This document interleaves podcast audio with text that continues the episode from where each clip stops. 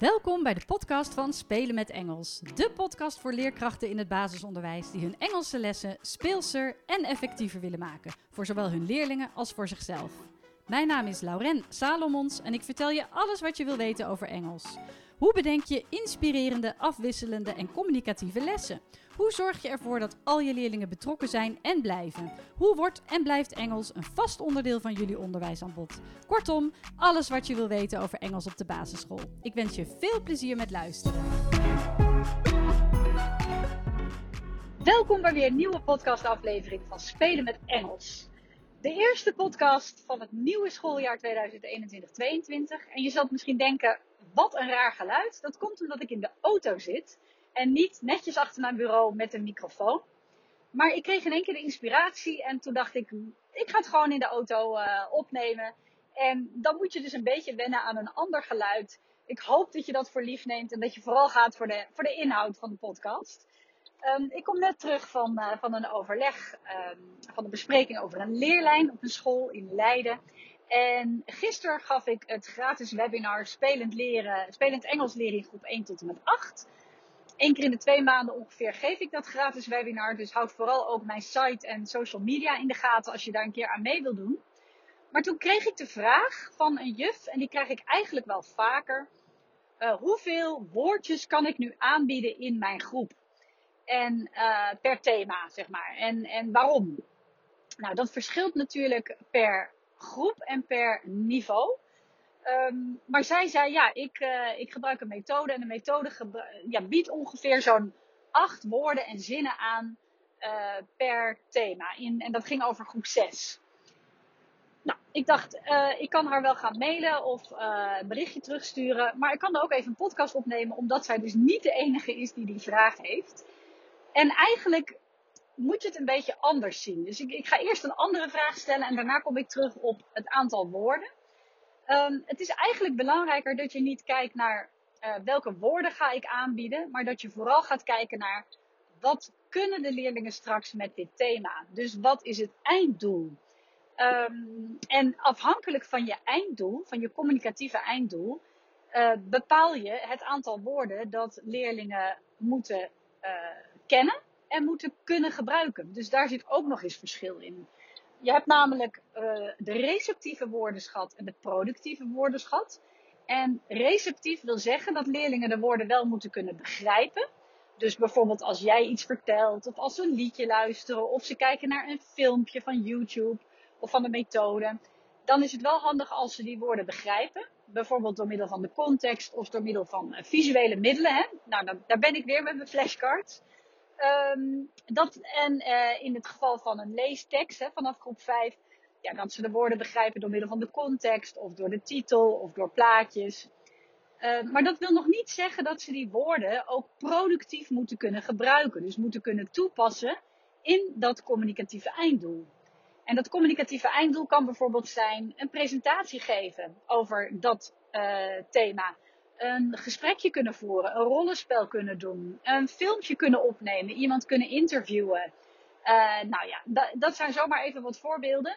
En dan heb je dus productieve woordenschat nodig. Dus welke woorden hebben leerlingen dan nodig om daadwerkelijk dat einddoel te kunnen bereiken, om dat goed te kunnen uitvoeren. Dus allereerst is het belangrijk als je een methode gebruikt, of als je uh, een lessenserie gaat bedenken zonder dat je een methode hebt, dat je dat einddoel helder hebt. En dat je dan gaat bedenken welke woorden hebben ze dan nodig. En welke woorden hebben ze dan nodig om überhaupt iets te kunnen begrijpen. En welke woorden hebben ze nodig om echt iets te kunnen zeggen. Om te kunnen spreken en schrijven. Nou, als je dat helder hebt, wordt het al wat makkelijker om het aantal woorden te bepalen. Maar dan nog is het natuurlijk heel erg ook leeftijds- en niveau afhankelijk um, mijn advies is, en dat is echt een, een advies en uh, een richtlijn. Dus het is niet zo, uh, Lauren zegt zoveel woorden, dus dan moeten het ook zoveel woorden zijn. Uh, ik zou zeggen in de onderbouw, bijvoorbeeld bij groep 1, 2, ja, denk zo gemiddeld aan, nou, 6 tot 10 woorden. Misschien 8 tot 12 woorden. Een beetje afhankelijk van de voorkennis van leerlingen, de ervaring van leerlingen, hoe gemakkelijk ze al, hoe vertrouwd ze al zijn met Engels. Maar ook of de woorden overeenkomen met bijvoorbeeld de Nederlandse taal. Um, ja, als je bijvoorbeeld bij toys, het thema toys, uh, en je hebt het woord, uh, een woord als book en robot en computer en ball en puzzle, dan heb je zo al vijf woorden die enorm overeenkomen met de Nederlandse taal. Dus dan zou je kunnen denken, ja, weet je, dan, dan nog maar twee woorden toevoegen is wel heel weinig. Ik pak er vijf bij, die wat ingewikkelder zijn. Um, en dan heb ik er tien en daar ga ik mee aan de slag. Je kunt ook kijken naar um, welk liedje ga ik gebruiken voor dit, uh, als input hè, voor dit thema. En welke woorden komen daarin voor. En uh, welke van die woorden vind ik belangrijk dat leerlingen ook daadwerkelijk zelf gaan gebruiken. Nou, dat kunnen dan misschien net twaalf woorden zijn, of, of het zijn er acht. En dat geldt ook voor een prentenboek wat je gaat gebruiken. Dus kijk vooral naar um, de voorkennis van leerlingen. Wat past bij hun belevingswereld? Wat is hun ervaring al met Engels? En wat denk je zelf dat ze aankunnen? Maar ga er in groep 1, 2 wel van uit dat zo nou, tussen de 8 en 12 woorden, dat dat echt wel iets heel moois is. En dan nog is het weer per leerling afhankelijk of ze die ook daadwerkelijk productief gaan gebruiken. Zeker in de onderbouw ga je leerlingen niet dwingen om actief Engels te spreken. Weet je, ze zijn heel erg veel taal in zich op aan het nemen, maar misschien zeggen ze nog helemaal niks. Dus de ene leerling zal die alle acht of al die tien die woorden toepassen, terwijl een andere leerling er misschien maar één of twee of drie zegt. En, een hele, en weer een hele andere leerling, die zegt helemaal niks. En dan is dat ook oké, want dan begrijpen ze het vaak wel. Nou, die woordenschat, of die, dat aantal woorden, breid je dan eigenlijk uit als je bijvoorbeeld uh, naar groep 3, 4 gaat. Kun je denken misschien aan uh, eh, 12 tot 15 woorden. Uh, ook weer onderscheid maken tussen wat moeten ze receptief kennen en wat wil je echt dat ze productief gaan toepassen. En zo bouw je dat in groep 5, 6 uit naar misschien nou 20 woorden. En in groep 7 en 8 kunnen dat er dan ook weer meer zijn.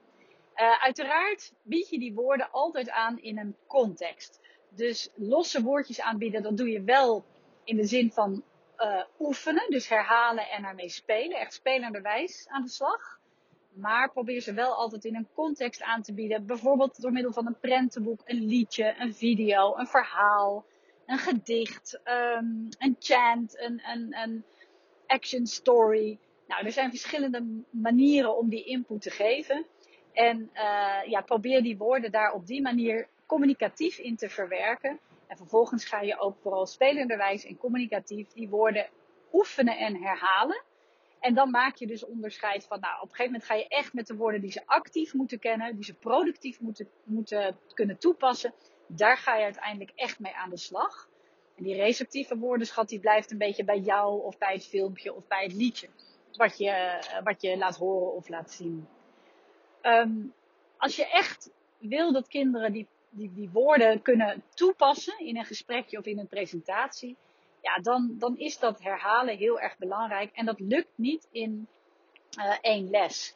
Dus probeer niet in één les en de input te geven en uh, een, uh, een spelletje te doen en een werkblad. En dan vervolgens dat leerlingen al gelijk ook tot output moeten komen. Dus dat ze ook al gelijk die woorden moeten kunnen toepassen in een gesprekje of moeten kunnen, over, moeten kunnen opschrijven in een verhaal dat gaat haast niet in één les. Tenzij leerlingen echt heel veel ervaring hebben met Engels. Maar dat verspreid je over een, een paar lessen. Dus uh, ja, die, zeker als ze de, de, de, productieve woordenschat moeten gaan toepassen, ja, dan moeten ze gewoon eerst flink mee oefenen voordat ze dat kunnen. En um, dan nog een andere tip. En dat is, stel dat je nou inderdaad eh, tien woorden hebt. En in de eerste en tweede les, of misschien al in de eerste les, blijkt dat ze bijna al die woorden allemaal al kennen. Ik heb dat een keer gehad toen ik op een lesbezoek was bij een, bij een juf in groep 3. Die had het over toys. En eigenlijk was al vrij snel duidelijk na een filmpje en na een spelletje dat de hele groep, nou echt bijna de hele groep, al die woorden al kende. En om dan nog een hele les lang door te gaan met die woorden, dat is eigenlijk een beetje zonde, want ze kennen die woorden al.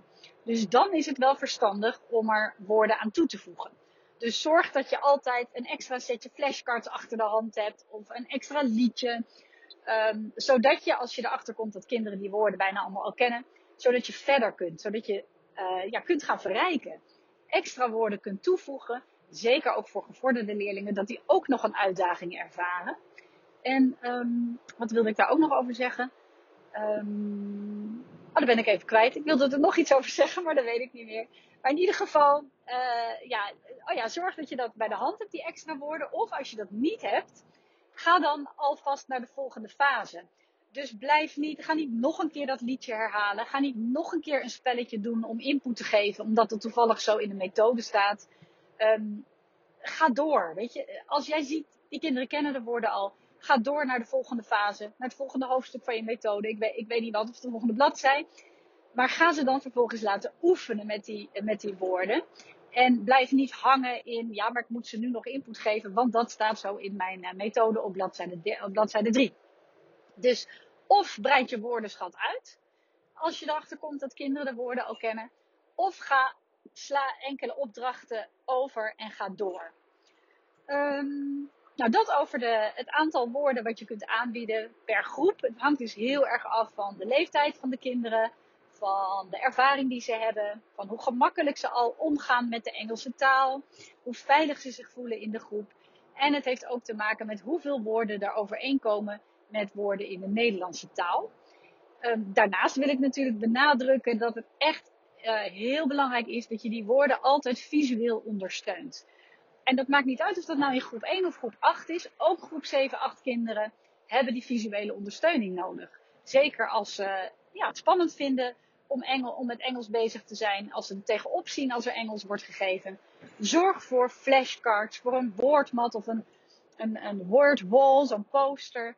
Waar uh, de woorden op staan met de plaatjes erbij. Zorg dat je dingen kunt aanwijzen als ze iets niet weten. Zorg dat ze zelf kunnen opzoeken. Juist door die visuele ondersteuning blijven de woorden veel beter hangen. En hoeven leerlingen ook niet steeds te vragen in de bovenbouw. Ja, wat, wat is dat ook alweer? Wat betekent dat ook alweer, juf? Want um, ze kunnen dat dan gewoon zelf zien. Omdat die woordmat bijvoorbeeld op hun uh, tafeltje ligt. Of omdat die in de English corner hangt. Um, dat geeft gewoon een stukje vertrouwen en houvast aan uh, kinderen die het spannend vinden. En sowieso die visuele ondersteuning helpt heel erg om ook te voorkomen dat je Nederlands gaat praten. Dus dat je vertalend gaat leren. Uh, vertalend gaat lesgeven eigenlijk. Dus dat zijn uh, de tips die ik je wilde geven over het, uh, het aanbieden van woorden en ehm, hoeveel woorden je dan eigenlijk moet aanbieden. heb je daar toch nog vragen over? Misschien ben ik wel iets vergeten, want ik zei het is een beetje een spontane podcast zo in de auto. Dus mocht ik iets vergeten zijn, dan hoor ik het graag.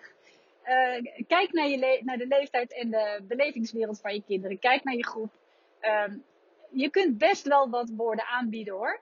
Maar maak onderscheid tussen die receptieve woordenschat en die productieve woordenschat. En zorg ervoor dat kinderen aan het eind van een lessenreeks, of dat nou vier lessen zijn of zes lessen, dat ze ook daadwerkelijk die woorden zelf kunnen toepassen. Dat ze het gevoel hebben dat ze er Engels mee kunnen spreken.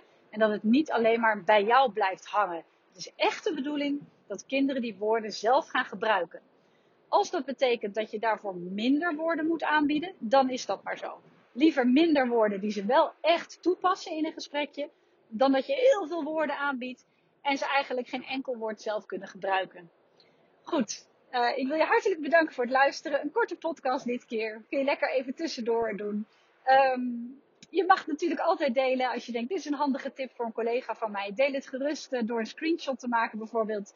Uh, en dit te delen op social media.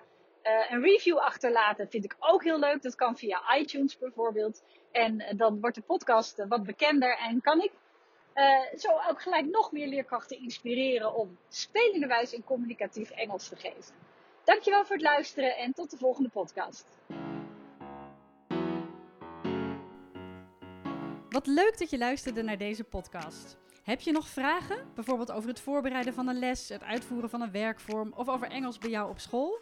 Of wil je misschien meer weten over de studiedagen, de online cursussen en het lesmateriaal dat Spelen met Engels verzorgt? Je kunt me altijd mailen op info@spelenmetengels.nl. En ook op de website, de Facebookpagina en het Instagram-account vind je enorm veel inspiratie. Het is mijn doel om alle leerkrachten in het basisonderwijs met plezier hun Engelse lessen te laten voorbereiden en te geven. Dus als je deze podcast zou willen delen met collega's of op social media, dan stel ik dat enorm op prijs. En vergeet dan niet spelen met Engels te taggen. Nogmaals bedankt voor het luisteren. Heel veel plezier met je Engelse lessen en tot een volgende keer.